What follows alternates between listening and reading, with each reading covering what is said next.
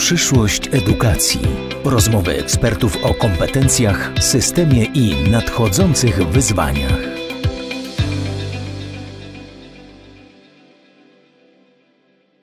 Witam serdecznie w kolejnym podcaście spod znaku Open Eyes Economy. Znów skupiamy się na edukacji, bo to temat bardzo ważny, tym bardziej dlatego, że był on też przedmiotem ostatniego raportu Poza Horyzont Kurs na Edukację Przyszłość systemu rozwoju kompetencji w Polsce. O tym dziś będę rozmawiał z moim gościem, jednym z autorów tej publikacji. Jest nim pan profesor Jarosław Górniak z Uniwersytetu Jagiellońskiego z Wydziału Filozoficznego. Dzień dobry panie profesorze. Dzień dobry panu. Bardzo się cieszę, że możemy porozmawiać na ten temat z różnych perspektyw. Rozmawialiśmy na ten temat już z profesorem Hausnerem, rozmawialiśmy koncentrując się na tematyce wartości, tego jak one są wytwarzane w kontekście edukacji i tego, co w systemie edukacyjnym mogą zrobić inni aktorzy niż ci najbardziej oczywiści, ci, ci którzy są najbardziej oczywiści. I chciałbym, żebyśmy rzeczywiście od tego zaczęli, żebyśmy w ogóle spróbowali sobie zidentyfikować takich aktorów, którzy w tym systemie rozwoju kompetencji są ważni, a nie są to rodzice, szkoła, uniwersytet czy sami, same te osoby, które są kształcone. Panie profesorze, jakie inne podmioty, te mniej oczywiste, występują w tym systemie i mogą odegrać ważną rolę? Edukacja jest zawsze zanurzona w życiu społecznym. To y, można powiedzieć jest takim bardzo otwartym systemem, w którym jasne jest to, że y, no, najsilniejsze są interakcje pomiędzy aktorami, którymi są uczniowie, nauczyciele i rodzice. Prawda? E, niemniej jednak na szkołę oddziałuje szereg innych e, podmiotów e, w różny sposób, działając poprzez tych interesariuszy, tak? I działając bezpośrednio także na, na samą szkołę jako pewnego rodzaju infrastrukturę. Więc pierwsze, co się narzuca, no to są oczywiście władze lokalne, które są także organami prowadzącymi szkoły i które wprawdzie nie mają uprawnień w zakresie kształtowania podstawy programowej, czy właściwie tej warstwy e, programowej metodycznej działalności szkoły. E, no niemniej jednak w warstwie takiej formalnej odpowiadają za utrzymanie szkoły jako pewnego, pewnej organizacji, pewnego układu, można powiedzieć, techniczno-społecznego, tak? A z drugiej strony, z drugiej strony oczywiście także oddziałują na to, co się w szkole dzieje, ponieważ no po pierwsze powołują dyrektora szkoły, oczywiście z y, odpowiednim udziałem także reprezentantów innych istotnych interesariuszy, y, ale, ale, ale powołują, no i także oczywiście poprzez swoją politykę lokalną, edukacyjną, wspierania szkół bądź nie wspierania, mogą wiele do tej szkoły uczynić bądź, bądź też nie uczynić. To są oczywiście władze oświatowe. No tutaj siłą rzeczy jakby ministerstwo, kuratoria, które są w systemie administracji państwowej, E, a, a nie samorządowej, e, są tymi, e, tymi istotnymi aktorami w życiu szkoły, ponieważ wpływają na warstwę merytoryczną pracy szkoły, na warstwę programową. A poza tym to szkoła może budować sobie sieć interesariuszy i oczywiście szkoły będą tym bogatsze im bardziej potrafią się obudować takimi istotnymi aktorami społecznymi, którzy z jednej strony mogą sprzyjać temu, żeby szkoła się rozwijała właśnie także, także jako owa infrastruktura procesu kształcenia się, procesu rozwojowego uczniów, bo właściwie e, jakby mm, o tym raporcie można powiedzieć, że on kładzie nacisk na e, oderwanie się od traktowania ucznia jako maszyny prostej, gdzie mamy wejście, pewne zaprogramowane wejście informacyjne, oczekiwane wyjście, tak, i sprzężenie zwrotne, które sprawdza, czy to, co zostało włożone, wyszło w postaci najlepiej niezmienionej, tak. Oczywiście wiemy, że, tak, że, że ten rodzaj pewnej, pewnej modelowej abstrakcji to jest to, to co, co się prze, przebija e, czasami przez pewne logiki działania szkoły. E, I my to pamiętamy, że też były takie momenty, ale też pamiętamy szkołę z różnych lepszych stron. Ja myślę, że koniec końców, biorąc pod uwagę także potęgę interakcji między samymi rówieśnikami i takich interakcji społecznych, które następują w warstwie poza kurikulum, tak, pomiędzy uczniami i nauczycielami, y, no to mamy do czynienia z y, procesem rozwojowym. Szkoła jest, jest nie, tylko, nie tylko miejscem, gdzie się odbywa intencjonalne kształcenie, czyli ta pedagogika taka, ale gdzie się dzieje pewna socjalizacja młodych ludzi do, do życia społecznego. Jak zwykle ta socjalizacja jest oparta zwłaszcza na istotnych innych, a wśród istotnych innych fundamentalną rolę odgrywają rówieśnicy. Więc mamy do czynienia z takim żywym, żywym układem społecznym. Ale jak mówię, szkoła może się otwierać na różnych partnerów i bogata szkoła, wiedząc, że ona jest miejscem dla rozwoju uczniów, będzie tych aktorów szukała wielu. Będzie tych interesariuszy szukała wielu. I w, w naszej wizji tej właśnie szkoły jako miejsca rozwoju, my z natury rzeczy można, można z tego wyprowadzić logiczne konkluzje, że im bogatsze będą te, te, te, te związki, im bogatsze będą te partnerstwa, tym lepsze, lepsze środowisko rozwojowe szkoła będzie stanowiła. Y, a ona musi być taka, dlatego musi być takim żywym środowiskiem rozwojowym, ze względu na to, co, co pisaliśmy. No, ta szkoła musi się zmierzyć w tej chwili z gwałtownymi procesami zmian społecznych zachodzących w kontekście zmian technologicznych, tak zwanej czwartej rewolucji przemysłowej i bardzo ciągle jeszcze niejasnymi konsekwencjami ekonomicznymi y, tych przemian. Na przykład myślę, że po jakichś dziesięciu latach e, e, obnoszenia sztandaru czwartej rewolucji przemysłowej pewnym zawodem jest to, że nie przyniosła ona jeszcze za sobą wzrostu produktywności, e, jak ekonomiści mówią, ogólnej produktywności czynników produkcji, tak? Ale także, także nie przyłożyła się jeszcze do końca na systematycznie obserwowany wzrost wydajności pracy. I zwłaszcza dotyczy to Europy, jak widzimy. Kraje oczywiście takie jak Polska, kraje, które są zaliczone do tych emerging markets, do rynków wschodzących, e, tutaj wykazywały nieco lepsze mm, parametry, ale wcale nie dlatego, że były beneficjentami już czwartej rewolucji przemysłowej, ile raczej w tym procesie catching up wykorzystywały różne inne swoje rezerwy, częściowo pewnie korzystając także z tych procesów, ale myślę, że się jeszcze w, tym, w tej gospodarce czwartej ery w pełni nie zanurzyły. Więc mamy, mamy taką sytuację bardzo niejasną. W tej chwili doszedł do tego kryzys koronawirusa, który dodatkowo w tę produktywność będzie uderzał, a to będzie oznaczało no, obniżenie PKB per capita. E, albo przynajmniej bardzo poważne, długofalowe, dalsze spowolnienie wzrostu. A jak się spowalnia, jak się nie bogacimy w takim tempie, e, w którym byśmy do którego byśmy aspirowali, no to zwykle to się kończy także większymi kłopotami, jeżeli chodzi o e, zróżnicowanie społeczne, o dystanse ekonomiczne w społeczeństwie, a z tym się wiążą różnego rodzaju inne napięcia, które nas mogą spotkać, zwrotnie wpływające zresztą negatywnie na procesy gospodarcze. Więc mamy taki okres, gdzie musimy się mierzyć z tymi problemami i z tymi wzmocnieniami także negatywnych zjawisk, które niesie koronawirus, co, nas, co, co, co nam dołożyło, bo można powiedzieć, wielką łopatą e, problemów e, bo do tej taczki, tak?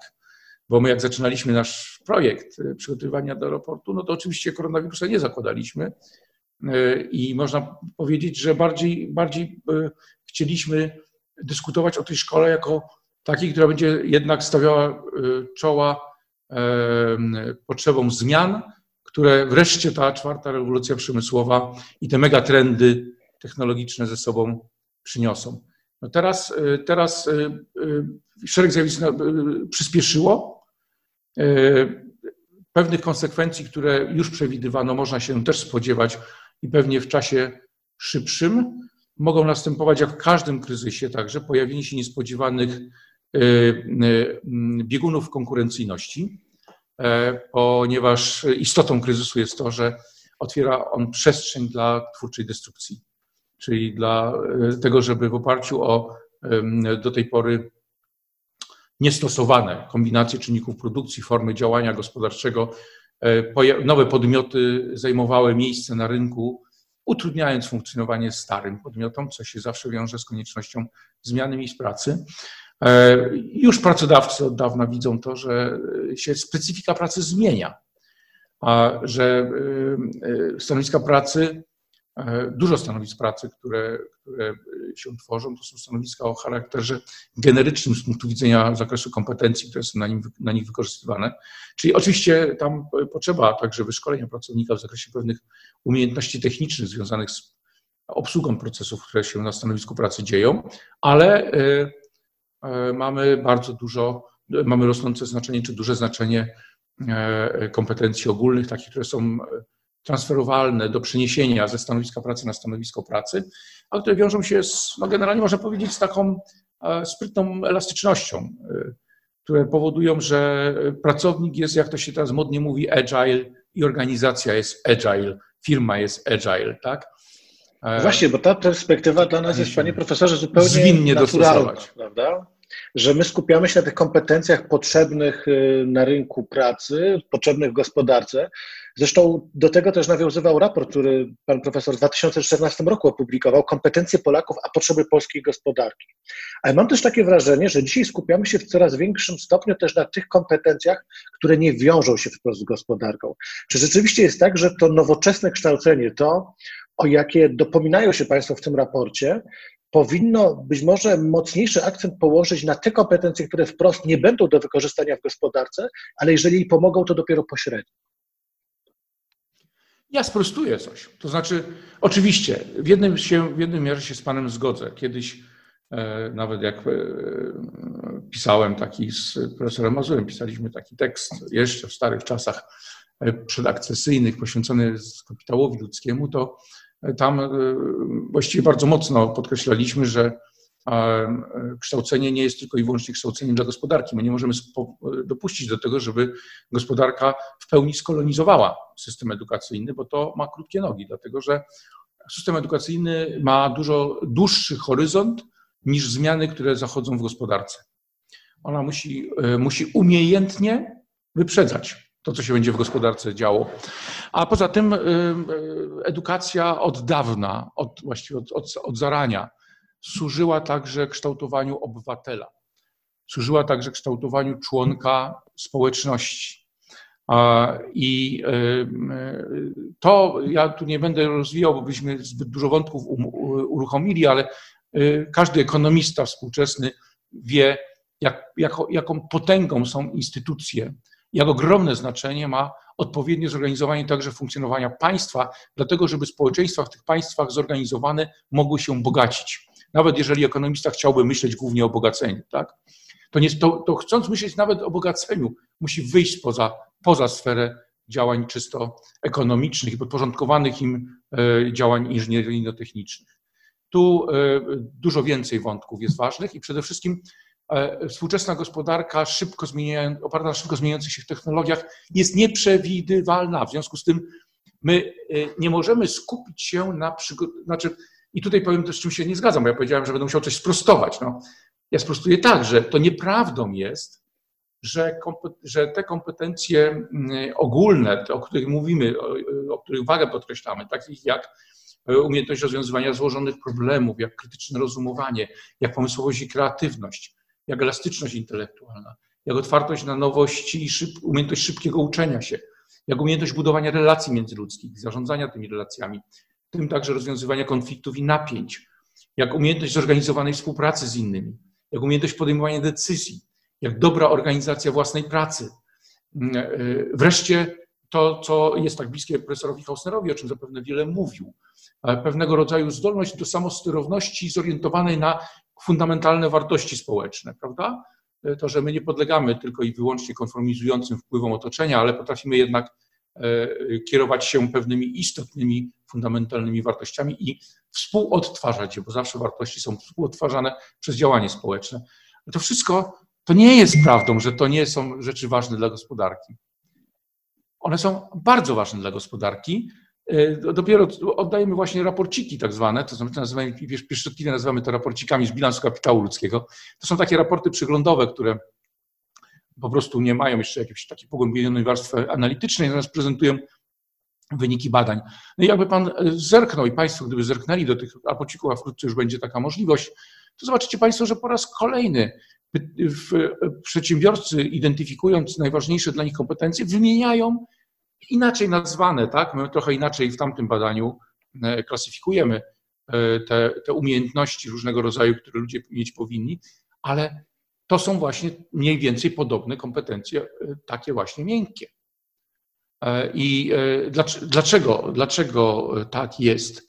No ja bym zaryzykował, że to wynika z faktu, że pracodawcy sobie zdają sprawę z tego, że ich pracownicy będą się musieli i muszą już teraz bardzo elastycznie przygotowywać do tego, co na rynku następuje. To koresponduje bardzo dobrze, właściwie my też zapytaliśmy przedsiębiorców, czy oni planują, ile, spośród nich ma plany sięgające swoim horyzontem, tam powiedzmy powyżej pół roku. To nie jest duża rzesza firm, to firmy są głównie wśród firm większych, tak, mniejsze generalnie mają kłopot z horyzontem planistycznym przekraczającym jakiś najbliższy okres, taki, taki można powiedzieć, reakcji, którą możemy nazwać reakcją, reakcją bezpośrednią, tak? Na bodźce, które dochodzą, dochodzą z rynku. No skoro tak jest, to, to nie tylko ten, który kieruje przedsiębiorstwem, musi umieć elastycznie reagować i on się na to nastawia, ale on musi mieć załogę, która będzie zdolna temu sprostać. E, I to oznacza, że te kompetencje właśnie, o których tu mówimy, są tak bardzo ważne. Że, że odpowiedzialność to wartości takie właśnie jak odpowiedzialność, tak? jak lojalność, że one zaczynają też odgrywać we współczesnym świecie ogromną rolę, bo jak pracodawca ma ewentualnie inwestować w rozwój swojego pracownika, jeżeli ten pracownik po odebraniu takiej inwestycji rozwijającej jego kapitał ludzki, tak, natychmiast y, y, pójdzie do konkurencji. No tutaj musi, muszą też obowiązywać y, jakieś relacje e, zaufania i lojalności, która jest odpowiedzią na to zaufanie. E, to, to nie jest łatwe, to można powiedzieć, kultura organizacyjna naszych firm ciągle jest w procesie rozwoju, istnieje duża przestrzeń do poprawy w tej dziedzinie. Ale myślę, że dostrzegają już pracodawcy znaczenie właśnie tych ogólnych cech. A jak je mamy kształtować? No przecież nie przez to, że będziemy zmuszać uczniów tylko i wyłącznie do zakuwania, a następnie będziemy ich z tego zakucia odpytywać. Tu, to można powiedzieć, e, ważne jest oczywiście to, czego uczniów uczymy, bo e, treści nauczania wpływają także na zdolność, e, na budowanie tożsamości, na zdolność integracji ze, spo, ze swoim społeczeństwem, na, na, na owe zdolności komunikowania się, na, na także znalezienie wspólnych odniesień po to, żeby lepiej przełamywać konflikty. I mógłbym tutaj każdy z tych elementów jeszcze wymieniać. To jest, to jest ważne, czego, czego uczymy, ale można powiedzieć ekstremalnie ważne jest to, jak tego uczymy. Jak tego uczymy? To znaczy, czy my rozwijamy takie właśnie cechy jak krytyczne rozumowanie, a to, to y, można rozwijać y, przy każdym przedmiocie i przy każdej treści nauczania, tylko trzeba podjąć bardzo poważny trud w tym zakresie. Można stymulować kreatywność, ale można też ją zabijać, prawda? Można ćwiczyć elastyczność intelektualną, ale można też popychać do sztywności. Można, się, można budować otwartość na nowości, i można y, uczyć szybkiego poszukiwania nowych informacji, uczenia się samodzielnego, umiejętności dostarczania wiedzy, czyli czegoś więcej niż tylko i wyłącznie informacja, tak? Tego, co jest odpowiednio przetworzone, wzbogacone i dostosowane do tego, co jest y, potrzebą, zapotrzebowaniem ze strony tego, który, y, któremu wiedza jest potrzebna do trafnego podjęcia decyzji. No, żeby to dobrze robić, no to nie da się po prostu stanąć na katedrze albo po prostu usiąść po drugiej stronie okienka w Zoomie czy w Teamsach i wypowiedzieć swoje kwestie. Trzeba nawiązać, co najmniej trzeba nawiązać dialog, trzeba stymulować.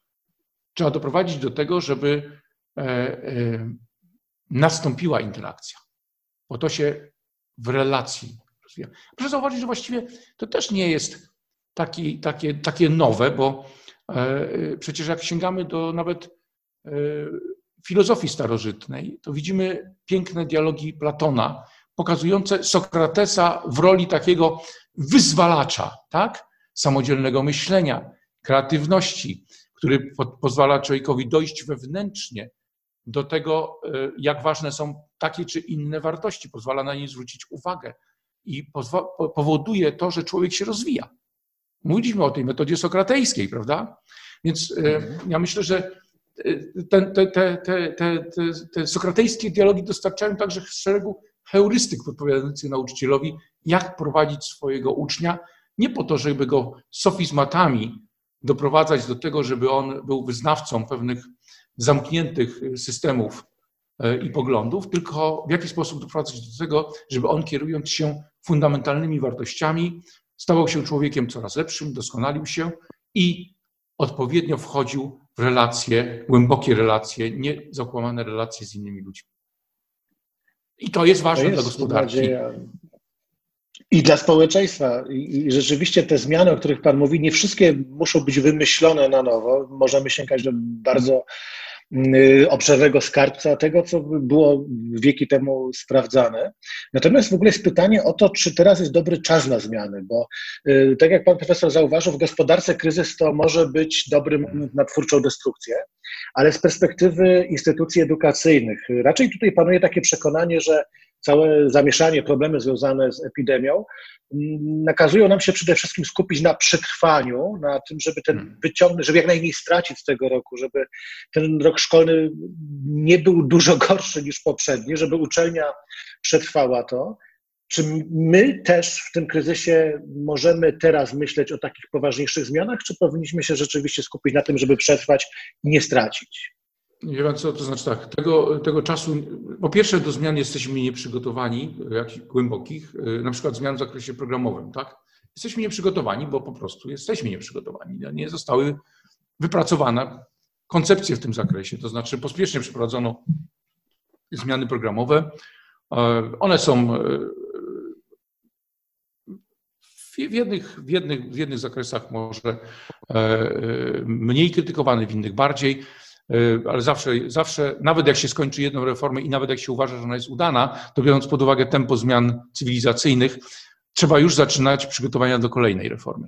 Więc ja, się, ja nie chcę wchodzić w tej spory, nie, nie, nie, nie, nie, jest, nie jest istotą naszej rozmowy to, żeby dokonywać y, jakiejś takiej krytyki. Zresztą nie, nie wykonywałem badań. Ja, ja jestem bardzo jako empiryk, tak? Ja jestem badaczem empirycznym. Ja lubię mieć dowody i jak zresztą mówiłem o tych, o znaczeniu y, gospodarczym ogólnych kompetencji, to ja nie mówiłem tego w oparciu o to, że mi się tak wydaje, albo mam jakąś filozofię edukacyjną. I nie mówiłem o tym, że, jest to, że ma to znaczenie gospodarcze, dlatego że tak bym chciał, tylko to wynika z zagregowania i zliczenia odpowiedzi pracodawców. To, jest, to ma fundament empiryczny. Tak? Tu e, ja, ja będę ostrożny i wolę powiedzieć, że nawet jeżeli e, ktoś by się upierał, że e, szybko przeprowadzone zmiany programowe ostatnie były satysfakcjonujące, to ja na to mam jedną odpowiedź. Wiadomo, że trzeba przygotowywać nowe. I wiadomo, że lepiej mieć na to trochę więcej czasu. I wiadomo, że warto to zrobić poprzez szersze włączenie właśnie owych ważnych interesariuszy E, procesu edukacyjnego, o, którym, o których rozmawialiśmy na samym początku, tak? A zwłaszcza nie powinno się tego robić bez zaangażowania nauczycieli. Ja jestem głębokim zwolennikiem partycypacji, zresztą e, współpracując przy reformie ostatniej e, szkolnictwa wyższego, no to, to, to byłem, można powiedzieć, takim, takim piewcą partycypacji i, i, i, i zresztą tutaj ministerstwo akurat oparło się na tym procesie, co zresztą dla reformy było, miało tylko dobre strony. E, oczywiście każda policja ma swoją politics, więc e, nie wszystko, co w projekcie już tym środowiskowo uzgodnionym było, dotrwało, do, przetrwało przez prace sejmowe tak, i uzgodnienia międzyresortowe. No niemniej jednak ja myślę, że, że jakiś kształt ogólny tej reformy był mocno wydyskutowany. W, reformie edukacji nie było takiego procesu partycypacyjnego, a partycypacja ma też y, poza szeregiem rozmaitych zalet, ma jedną ważną, to znaczy ona y, pogłębia zrozumienie tego, o co chodzi w tym, co się zmienia. O co chodzi w zmianie. Jeżeli się uczestniczy w przygotowaniu zmiany, to się lepiej rozumie tę zmianę i dzięki temu można się łatwiej zaangażować i w pełni zaangażować w jej przeprowadzenie. Więc to po pierwsze, to bym powiedział, że trzeba przygotowywać oczywiście zmiany i trzeba ale przygotować ją partycypacyjnie. Tutaj to rozumiem, tak. że y, ten wzór Konstytucji dla nauki w pewnym sensie mógłby stanowić punkt odniesienia dla tworzenia kodeksu oświatowego, które Państwo postulują w raporcie. Czyli też chodziłoby o taką zbiorczą regulację, która z jednej strony wyczerpuje ten temat, tę tematykę od strony prawnej, ale zostawia pewną swobodę, y, nie tyle interpretacji, co po prostu działania, bo w innym w innym miejscu raportu Państwo postulują stworzenie przestrzeni dla bezpiecznego popełnienia błędów, przede wszystkim dla uczniów, ale czy w tych nowych regulacjach, w tych nowych ramach instytucjonalnych powinniśmy też zachować pewną przestrzeń dla błądzenia, dla eksperymentów, dla nauczycieli, dla osób zarządzających procesem edukacji? Czy jesteśmy gotowi podjąć takie ryzyko? No, moim zdaniem zdecydowanie tak. To znaczy, e, trzeba oczywiście równolegle pracować niejako na dwóch poziomach. Kiedyś swego czasu profesor Hanuszek, słynny ekonomista edukacyjny, tak, można powiedzieć w tej chwili najsłynniejszy ekonomista edukacyjny, jestem skłonny zaryzykować taką tezę, przedstawił w swoim tekście taką i przedstawił też dowody w oparciu o przeprowadzone analizy, że Najefektywniejsze z punktu widzenia osiągnięć są te systemy edukacyjne, w których mamy do czynienia ze scentralizowanym systemem weryfikacji efektów uczenia się przy, przy daleko idącej samodzielności, bardzo daleko idącej samodzielności, można powiedzieć autonomii na poziomie kierownictwa szkoły. Czyli krótko mówiąc, samodzielność dyrektorów, a jednocześnie, jednocześnie rozliczanie ich z, rozliczanie z wyników szkoły poprzez udział e, wszystkich uczniów w systemie ogólnokrajowych, ogólnokrajowym, wystandaryzowanym systemie rozliczania wyników. I nasz polski system ma, oczywiście możemy się spierać, ile dyrektorzy mają samodzielności. No tutaj widzieliśmy teraz w przypadku COVID-a, że ta samodzielność e, bywa zaraz ograniczana przez takie odruchy, bym powiedział, centralistyczne, e, widzę zakopane, tak? Nie pozwolono dyrektorom zachować się odpowiedzialnie w stosunku do swoich uczniów, podopiecznych, nauczycieli, szkół, tak? A tu trzeba powiedzieć, dobrze, możecie podejmować decyzje. Na końcu wasi uczniowie będą poddawani systemowi dobrze przygotowanych testów. Ja mówię, testy też, nie będziemy dzisiaj o tym dyskutować, bardzo proszę, bo to jest złożone zagadnienie. Można doskonalić system, system testowy. On nie jest w, Pol w Polsce tak dramatyczny, na przykład y, jeżeli chodzi o y, matematykę na poziomie y, tym gimnazjalnym, tak jak ona była realizowana przez ostatnie lata, to proszę zauważyć, że dzięki temu, że e, zadbano o to, żeby w, te, w egzaminach gimnazj, tych, tych gimnazjalistów pojawiły się zadania na zrozumowania matematycznego, to spowodowało to, że we wszystkich szkołach dzieciaki musiały się jakoś zmierzyć z tym rozumowaniem matematycznym. To naprawdę podniosło poziom wyedukowania naszych dzieciaków, czy naszej młodzieży, przepraszam, bo to już młodzież, tak? Co znalazło swoje odbicie w testach PISA. A jak ktoś mi powie, a są nawet tacy pedagodzy, którzy tak mówią, że te testy PISA to, to, to coś takiego nieważnego i w ogóle nie ma się tym przyjmować, to nie jest prawda. Świat patrzy na testy, na wyniki testów PISA, patrzą na to inwestorzy, E, po tym szacują e, potencjał e, kraju, ponieważ jednym z czynników decydujących o produktywności jest jakość kapitału ludzkiego. A te kompetencje w zakresie rozumowania matematycznego są tym, w, tym, w tym zakresie fundamentalne. I kiedyś Hanuszek z Wesmanem, znów przywołuję nazwisko Hanuszka, no ale co ja zrobię, jak że on tyle ważnych prac napisał na temat ekonomiki, edukacji, relacji między ekonomią a gospodarką a edukacją.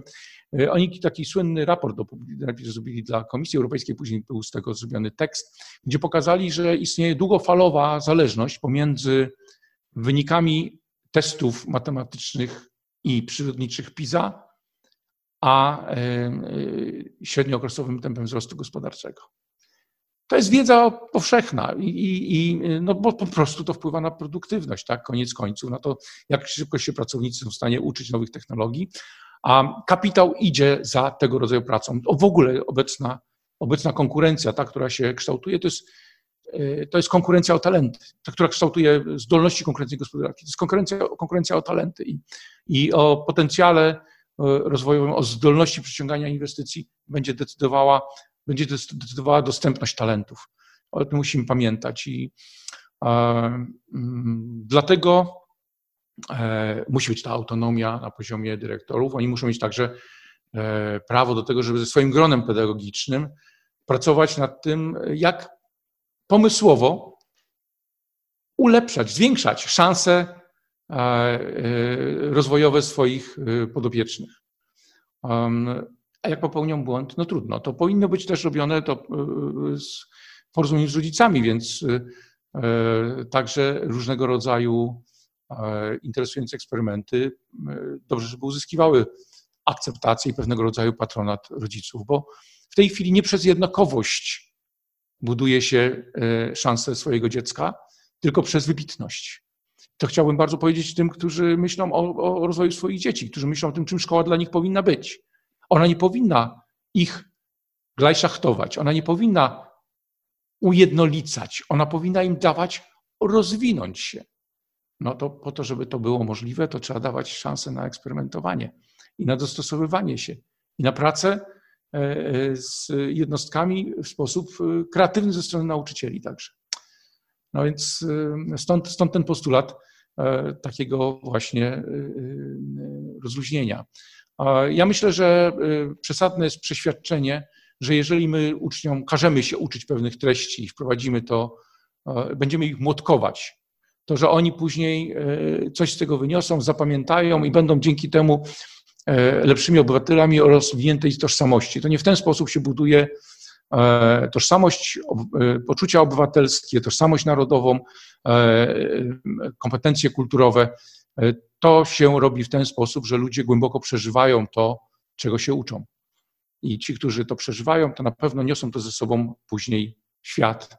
Też wiemy bardzo dobrze, że jeżeli chodzi o dostosowanie się do norm różnego rodzaju, to dużo lepiej ono działa i długofalowo działa wtedy, kiedy za tym są, jest odniesienie do norm moralnych i kiedy e, przestrzeganie norm, właśnie dlatego, że jest tym e, to akceptowane moralnie i jest odniesione do wartości, jest cool, jest po prostu modne, jest ważne, a nie dlatego tylko, że grożą, że grożą kary, że grożą sankcje, to też grożą także krótkookresowe materialistyczne nagrody. To działa krótko, to działa nietrwale i ja myślę, że mądrość społeczna, która mówi e, zakuć, e, zapamiętać, znaczy zakuć, za, zakuć zapomnieć, zapomnieć, tak? Zakuć, A zakuć, zdać, zakuć, zdać, zapomnieć, tak? Czy Z. Zakuć, zdać, zapomnieć. Ta mądrość ma dość, ma bardzo dobre podstawy w badaniach psychologicznych, więc nie warto w, w ten kanał wchodzić. E, no stąd, stąd y, y, generalnie można powiedzieć tylko, żeby mieć taką szkołę, która będzie potrafiła eksperymentować, która będzie dawała także prawo, która będzie dawała prawo do błędu. Bez prawa do błędu nie ma innowacji. Bez prawa do błędów nie ma kreatywności. Ale żeby ta kreatywność i ta innowacyjność i ta pomysłowość i ta, ta działalność prorozwojowa mogła mieć miejsce, to trzeba skupić uwagę na nauczycielu. Trzeba być z nauczycielem, trzeba być dla nauczyciela, E, i trzeba być, e, umieć stanąć wobec nauczyciela. E, trzeba być dla nauczyciela, to znaczy trzeba, trzeba pamiętać o tym, że ludzie, którzy pewnie do zawodu nauczycielskiego nie trafiają, ludzie, którzy głównie kierują się przesłankami materialistycznymi w swoim życiu, którzy chcą zwłaszcza dużo, bardzo dużo zarabiać, ale bo gdyby to, tego chcieli przede wszystkim, to by pewnie poszli do biznesu. Ale chodzi o to, żeby e, e, ludzie, którzy, którzy wykonują z poświęceniem i oddaniem pracę nauczycielską, mogli żyć godnie i nie musieli troszczyć się na co dzień o elementarne kwestie materialne. No bo wtedy to ich uwagę będzie odciągało od e, możliwości zaangażowania się właśnie w działania prorozwojowe dla wychowanków. Chodzi o to po prostu, żeby mieli spokojną głowę. Tu nie chodzi o jakieś y, niewiarygodne kokosy, ale chodzi o przyzwoity, bezpieczny, e, dający poczucie godności i prestiżu standard życia. To już dawno rozumiano. Max Weber, jak pisał, jak pisał o biurokracji, to pisał o tej konieczności dostosowania, dostosowania także w administracji, tak, prawda? Tych wynagrodzeń do pewnych, do pewnych standardów, także godnościowych, prestiżowych. A więc e, tutaj, tutaj to jest to bycie za nauczycielem. No bycie, bycie z nauczycielem to znaczy to jest wsparcie tego nauczyciela w jego własnym rozwoju. Jak, jak nauczyciel się nie będzie rozwijał, to on nie będzie rozwijał ucznia. Jak on sam się cały czas nie będzie zmieniał, to nie będzie chciał także zmieniać swojego wychowanka. Jak on sam nie będzie tym, tą osobą otwartą, to on nie będzie kształtował otwartego ucznia. To będzie zmierzał do tego, żeby zamykać go w tym mechanizmie maszyny prostej, o którym wspominaliśmy. A więc trzeba inwestować w nauczycieli. Tak naprawdę to y, proszę zwrócić uwagę, że właściwie y, ani ta, ani poprzednia reforma, wtedy jak wprowadzano gimnazja, to tym reformom nie starczyło e, zasobów, ani tak naprawdę do końca pomysłu, ale przede wszystkim zasobów nie starczyło na to, żeby tych nauczycieli w odpowiedni sposób wesprzeć w tych procesach rozwojowych. Wtedy przy reformie gimnazjalnej nawet postawiono pewnego rodzaju, stworzono pewne zasady awansu nauczycielskiego, to miało być związane z podnoszeniem kompetencji, no ale ci nauczyciele zostali trochę wobec tego procesu podnoszenia kompetencji sami. To później doprowadziło do tego, że pojawiło się także sporo takich zachowań o charakterze pozornym w tym zakresie, po prostu po to, żeby spełnić kryteria formalne awansu. A, ja myślę, że wielu nauczycieli by chętnie tak naprawdę zaangażowało się w autentyczny samorozwój, tylko e, no, e, wynagradzani są tak, jak są wynagradzani. Spór był wokół tego, jak są wynagradzani, prawda? Ja nie będę wracał do tego. E, ale z drugiej strony no nie, ma, nie ma tego wyciągnięcia także finansowej ręki, finansowego wsparcia dla rozwoju nauczycieli, dla tych, żeby, żeby zwłaszcza też ci, którzy będą chcieli pociągnąć innych, żeby uzyskiwali możliwość, możliwości doskonalenia się. Chciałoby się powiedzieć, czego sobie i Państwu życzę, bo e, ten problem, jak e, rozumiem, dotyczy nie tylko nauczycieli w ścisłym tego słowa znaczeniu, czyli tych w szkołach, ale także nauczycieli akademickich. E, zresztą wokół tego koncentrowały się pewne problemy i to różnica między politics i policy, o czym pan profesor mówił. Temat, który z całą pewnością będzie wracał, który nie jesteśmy w stanie y, teraz y, rozstrzygnąć, być może czekając, być może pokazując, że te zmiany nie sprowadzają się wyłącznie do zmian w wynagrodzeniach, tylko tego, co za tym idzie i co społeczeństwo ma, ale to już y, poza naszą dyskusją. Na koniec chciałem pana profesora prosić po prostu o wymienienie trzech kompetencji, które pana zdaniem będą najważniejsze w przyszłości. Trzy kompetencje, które powinny być wykształcone w procesie edukacji i w, dla dzisiejszych uczniów w przyszłości one będą czymś kluczowym.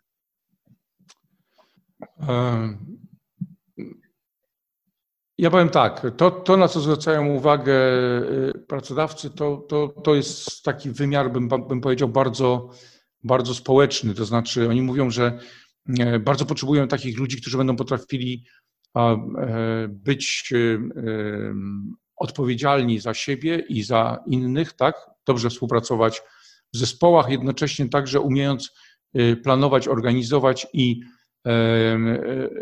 sprawnie realizować zadania, które im są powierzone. Czyli taka umiejętność samoorganizacji E, z jednej strony, a z drugiej strony zdolność funkcjonowania w zespołach, które realizują zadania razem. Tak?